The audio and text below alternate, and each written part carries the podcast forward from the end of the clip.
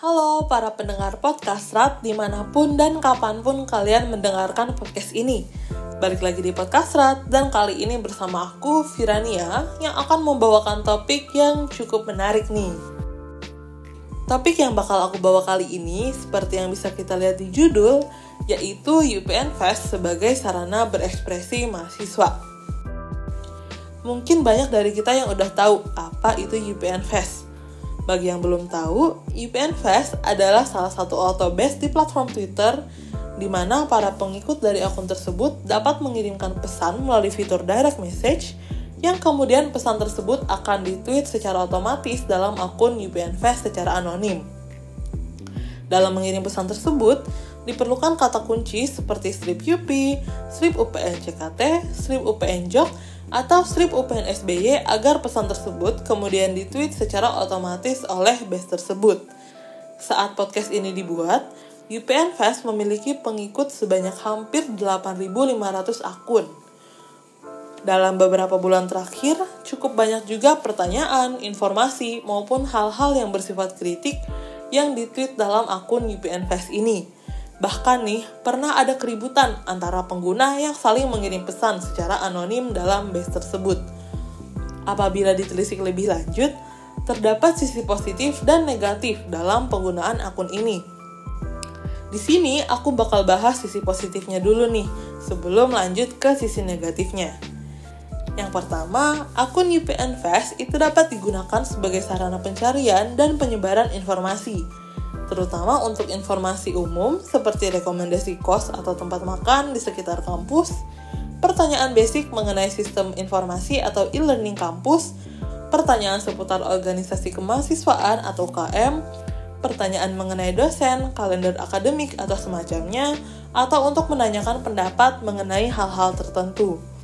Dengan tweet mengenai pencarian atau penyebaran informasi tersebut, para pengikut akun UPN Fest dapat memberikan tanggapan dengan membalas atau mengutip tweet tersebut. Yang kedua, akun UPN Fest itu dapat menjadi sarana bagi mahasiswa untuk menyampaikan pendapat maupun kritik terhadap dosen atau jurusannya, birokrasi kampus, atau juga organisasi kemahasiswaan yang ada di kampus. Seringkali mahasiswa itu tidak memiliki keberanian untuk menyampaikan pendapat maupun kritik secara langsung kepada pihak yang ingin ia kritik karena bermacam-macam alasan. Maka UPN Fest itu dapat menjadi media dalam penyampaian tersebut.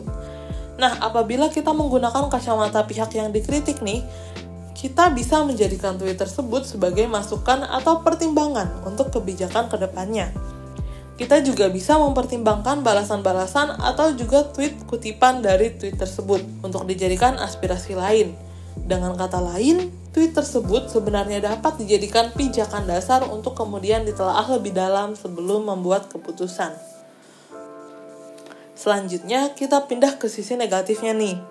Hal negatif yang pertama yaitu informasi yang disebar melalui akun UPN Fest maupun informasi yang diterima sebagai balasan dari tweet yang dikirim belum tentu merupakan informasi yang valid, apalagi untuk informasi yang bersifat krusial. Contohnya nih, ada manifest atau tweet mengenai informasi kapan kuliah offline atau hybrid akan dilaksanakan. Yang sebenarnya kita nggak bakal tahu kebenarannya sebelum ada informasi resmi atau surat keputusan rektor dan semacamnya. Makanya kita harus berhati-hati dalam mengonsumsi informasi dan harus memilah mana yang sekiranya informasi dapat dipercaya dan mana yang harus diperiksa kembali kebenarannya atau informasi hoax. Yang kedua, yaitu segala bentuk pendapat maupun kritik, bahkan untuk pertanyaan-pertanyaan basic bisa saja menyebabkan keributan nih. Apalagi, kembali kepada fakta bahwa tweet yang hadir dalam base ini dikirim oleh anonim, atau orang yang kita tidak tahu siapa, kecuali kita meminta bantuan admin UPN Fest untuk melakukan pengecekan lebih lanjut mengenai pengirim tweet tersebut. Oleh karena itu, sebelum mengirim atau menanggapi tweet di base tersebut, kita harus memikirkan secara matang dengan mempertimbangkan segala konsekuensi yang mungkin muncul karena tweet atau tanggapan tersebut. Nah, mungkin segitu dulu untuk podcast kali ini. Sebagai kesimpulan, kita harus lebih berhati-hati dan bersikap lebih matang dalam entah itu mengirim tweet di UPN Fest, menanggapi tweet yang dikirim oleh anonim di akun tersebut, atau bahkan untuk memilah penyerapan informasi dari akun tersebut yang seharusnya juga kita terapkan dalam kehidupan bermedia sosial sehari-hari. Sekian dari aku, mohon maaf apabila ada kekurangan dalam penyampaian podcast ini. Terima kasih telah mendengarkan dan sampai jumpa di lain kesempatan. See you!